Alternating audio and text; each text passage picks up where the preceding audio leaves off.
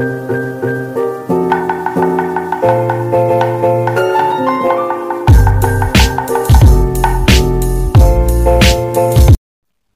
guys, selamat pagi, selamat siang, selamat sore, dan selamat malam untuk kalian yang sedang mendengarkan podcast Ketar Ketir edisi pertama ini. Oh iya, sebelum mulai nih, boleh kali ya gue memperkenalkan diri dulu. Menurut kalian nih, menurut kalian, kalau dari suara kenal nggak gue itu siapa? Harusnya sih kenal ya, harusnya nih tapi mungkin ada juga yang belum kenal oke okay. daripada kebanyakan bahasa basi terus kalian nebak-nebak salah langsung aja kali ya gue memperkenalkan diri yaitu gue itu Reza Firmansyah biasa dipanggil Reza dari program studi ilmu perpustakaan Universitas Brawijaya angkatan 2019 oke di sini gue bakal mau uh, ngebahas nih lapangan pekerjaan yang tersedia untuk teman-teman yang sedang berkuliah atau sudah lulus ataupun baru mau masuk program studi ilmu perpustakaan. Biasanya orang-orang tuh selalu mikir lulusan ilmu perpustakaan itu ya bakal jaga perpus kalau nggak jadi supir perpustakaan keliling. Di sini gue bakal jelasin nih lapangan pekerjaan untuk kita lulusan program studi ilmu perpustakaan itu banyak banget sebenarnya di Indonesia apalagi di dunia.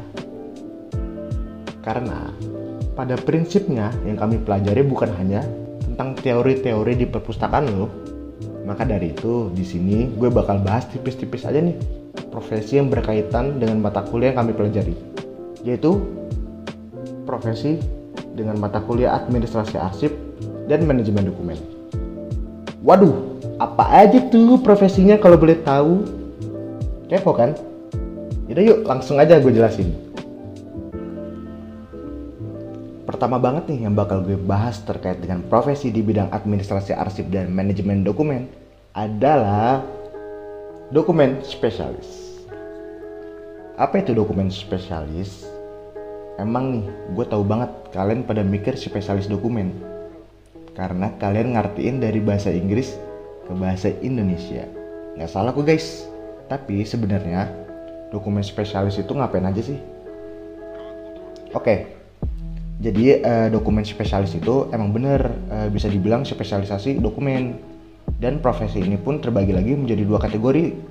Ini teman-teman, uh, eh, gue ngebahas kategori yang pertama dulu ya. Jadi uh, di kategori yang pertama ada dokumen delivery spesialis. Buset, apaan tuh dokumen delivery spesialis? Pasti baru pada denger kan? Jadi dokumen delivery specialist itu uh, profesi yang memiliki tugas memperoleh, mengatur, mengelola, memelihara, dan menyediakan bahan dokumen seperti laporan tahunan, disertasi, regulasi industri, industri sampai militer, dan standar yang ditetapkan seperti dokumen pemerintah. Studi riset, pasar dan paten, jurnal, dan artikel. Nah, itu untuk dokumen uh, delivery specialist.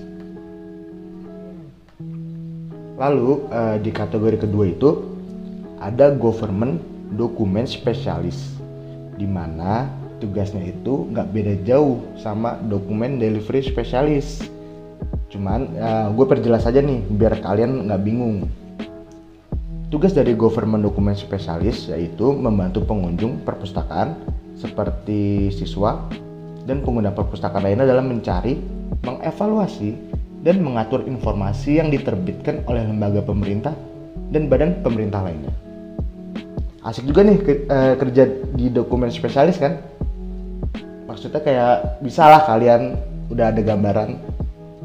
Nah, eh, kalau teman-teman tertarik untuk menjadi seorang dokumen spesialis, terus kalian cari di platform lowongan pekerjaan seperti LinkedIn, eh, tapi nggak ketemu, jangan nyerah dulu. Bukannya nggak ketemu karena ada beberapa nama alternatif untuk dokumen spesialis ini. Namanya itu emang sih sedikit ada ada ribet gitu. Eh, gue sebutin nih nama-namanya nih. Yang pertama itu ada akses service librarian terus yang kedua itu ada dokumen accessibility specialist Yang ketiga itu dokumen koordinator. Yang keempat dokumen information delivery specialist. Yang kelima itu ada records information manager specialist. Yang keenam government document information specialist. Dan yang terakhir nih, yang ketujuh government documents libraria.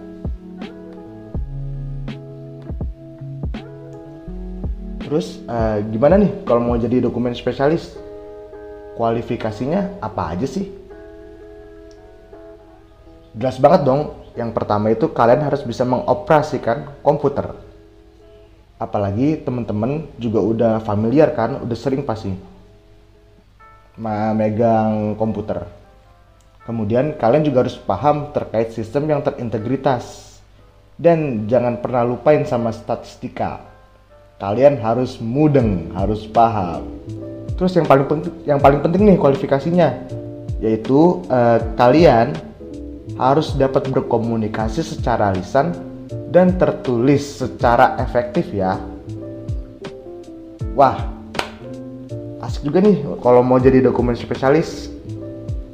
Jangan lupa kalian harus jadi dokumen spesialis. Oke, kita lanjut ke profesi yang kedua. Profesi ini juga nggak kalah keren sih. Profesi apa tuh kalau boleh tahu? Oke, lanjut, lanjut, lanjut. Profesi yang kedua yaitu bisnis librarian. Bisnis, bisnis, terus ekonomi, terus keuangan. No, tidak, nggak ada hubungannya sama itu.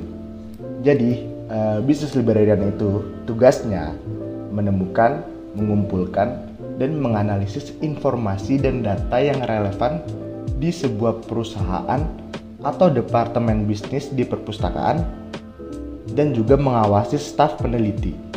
Gila banget gak sih?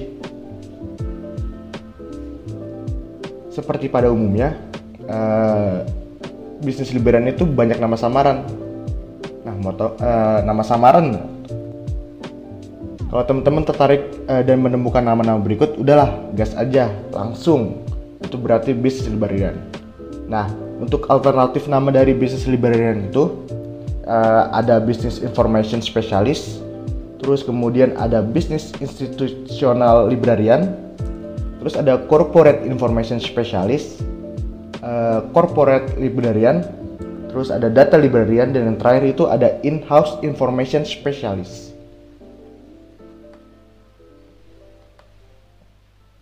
Terus uh, untuk kualifikasinya apa aja tuh kak? Apa aja tuh bang kualifikasinya? Nah, kalau untuk kualifikasinya secara umum udah jelas banget. Kalian harus dapat bekerja secara individu maupun kelompok. Terus kalian juga harus berorientasi pada detail. Terus kemampuan organisasi yang kuat. Dan yang terakhir memiliki kemampuan komputer dan dapat berkomunikasi secara baik.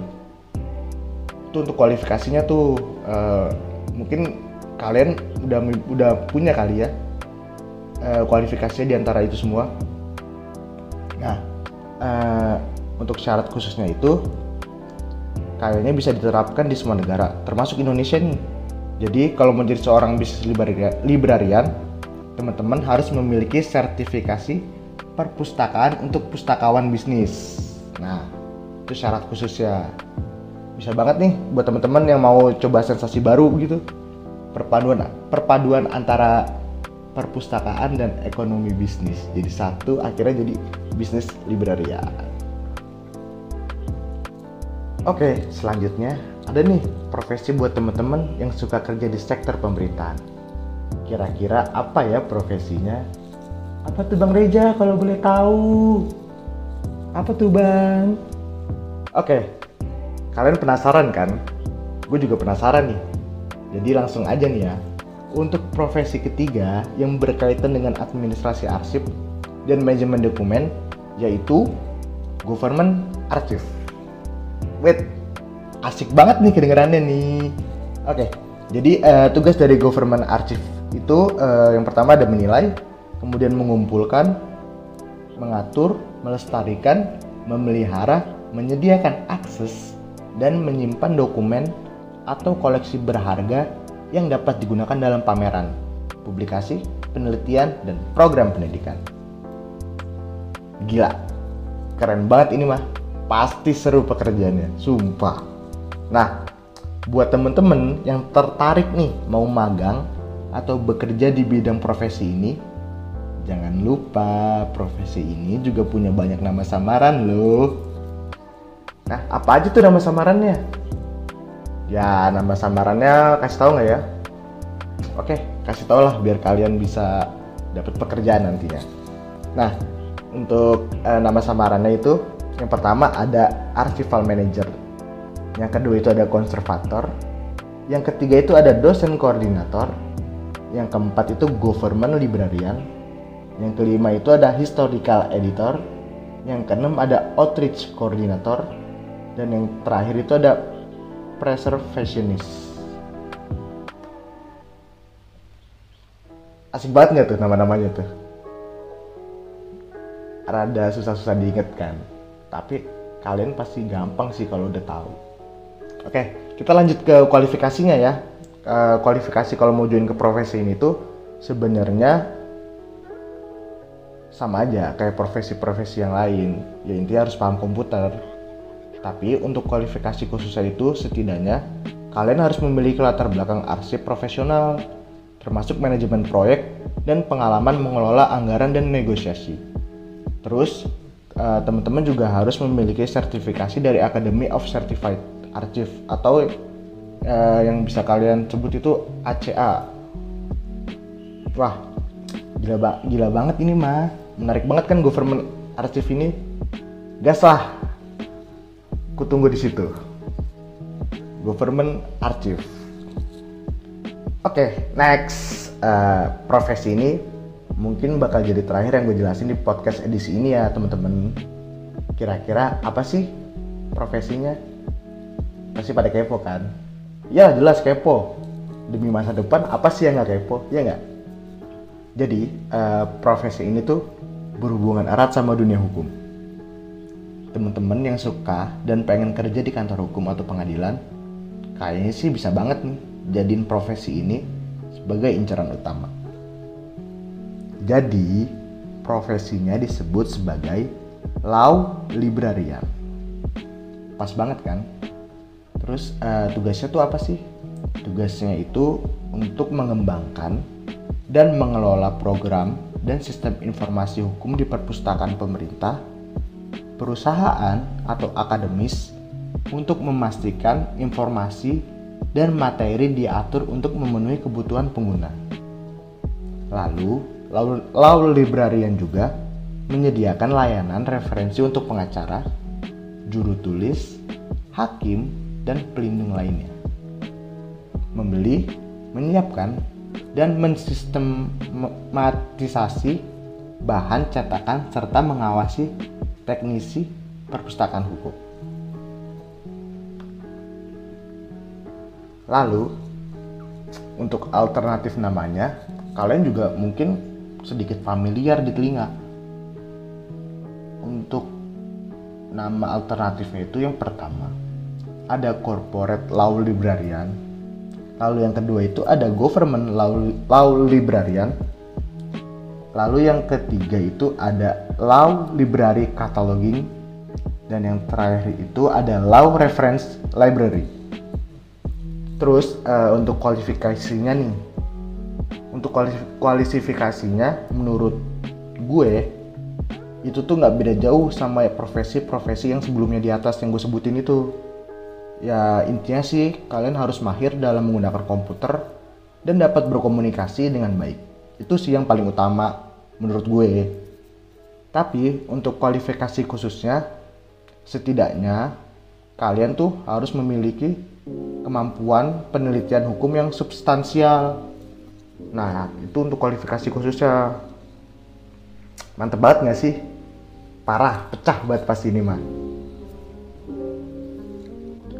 Jadi, mau ke mana nih setelah lulus nanti? Profesi-profesi yang tadi gue jelasin itu baru sebagian kecil. Masih ada profesi yang, lainnya lagi di bidang studi ilmu perpustakaan dan informasi. Sebenarnya eh, lapangan pekerjaan untuk kita tuh banyak banget bejibun dah, sumpah nggak bohong. Pokoknya kalau kalian usaha terus niat dan doa udah berjalan seiringan mau pilih profesi yang cocok pun juga kayaknya bisa banget tuh milihnya. Terus juga nih tadi kan dari semua profesi pasti ada sertifikasinya kan mungkin untuk teman-teman yang mau cari sertifikasi-sertifikasi di bidang ilmu perpustakaan dan informasi gue rekomend banget nih aplikasi Coursera C O U R S E R A di aplikasi itu banyak banget uh, sertifikasi yang diadain dari perusahaan-perusahaan terkenal sampai kampus-kampus besar juga. Oke teman-teman, uh, aduh sedih banget ngomong ini. Segitu dulu kali ya mendengarkan suara gue di podcast kali ini. Semoga kita bisa ngobrol-ngobrol lah secara langsung, nggak cuma dari podcast-podcast gini. Uh, so, gue Reza Firmansyah. Kalau mau kenal gue lebih deket, kalian bisa banget nih follow IG gue. IG baru karena IG lama gue itu di banned sama Instagram. Follow ya Reza Firmansyah underscore. Terima kasih teman-teman yang udah mau mendengarkan gue ngoceh mulu. Gue mungkin masih ada kekurangan dalam pengucapan masih suka belibet gue minta maaf semoga kalian uh, bisa memaafkan dan juga semoga ocehan-ocehan gue itu bisa memotivasi kalian semua sukses terus teman-teman ya semangat stay safe, dan I love you. Canda, eh, enggak deh, beneran I love you. Dadah!